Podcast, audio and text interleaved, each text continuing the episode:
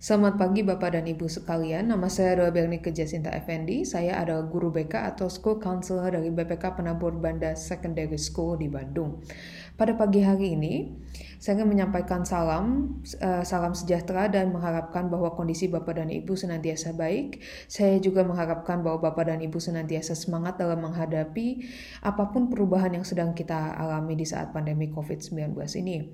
Nah, seperti yang Bapak Ibu ketahui, bahwa pandemi COVID-19 ini telah mengubah cara belajar kita atau mungkin struktur belajar kita yang awalnya di sekolah secara fisik sekarang berubah menjadi pembelajaran jarak jauh atau study from home.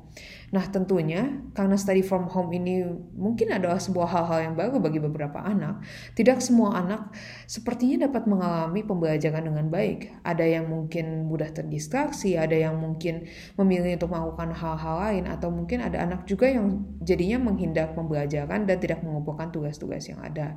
Nah, parents, bagaimana sih caranya untuk bisa membantu anak untuk tetap disiplin dalam mengikuti pembelajaran jarak jauh? Kali ini saya, uh, saya memiliki 12 tips yang saya share dari situs Very Well in Mind dari cara um, tata, tata cara disiplin dari sekolah yang bisa saya share kepada Bapak dan Ibu pada pagi hari ini.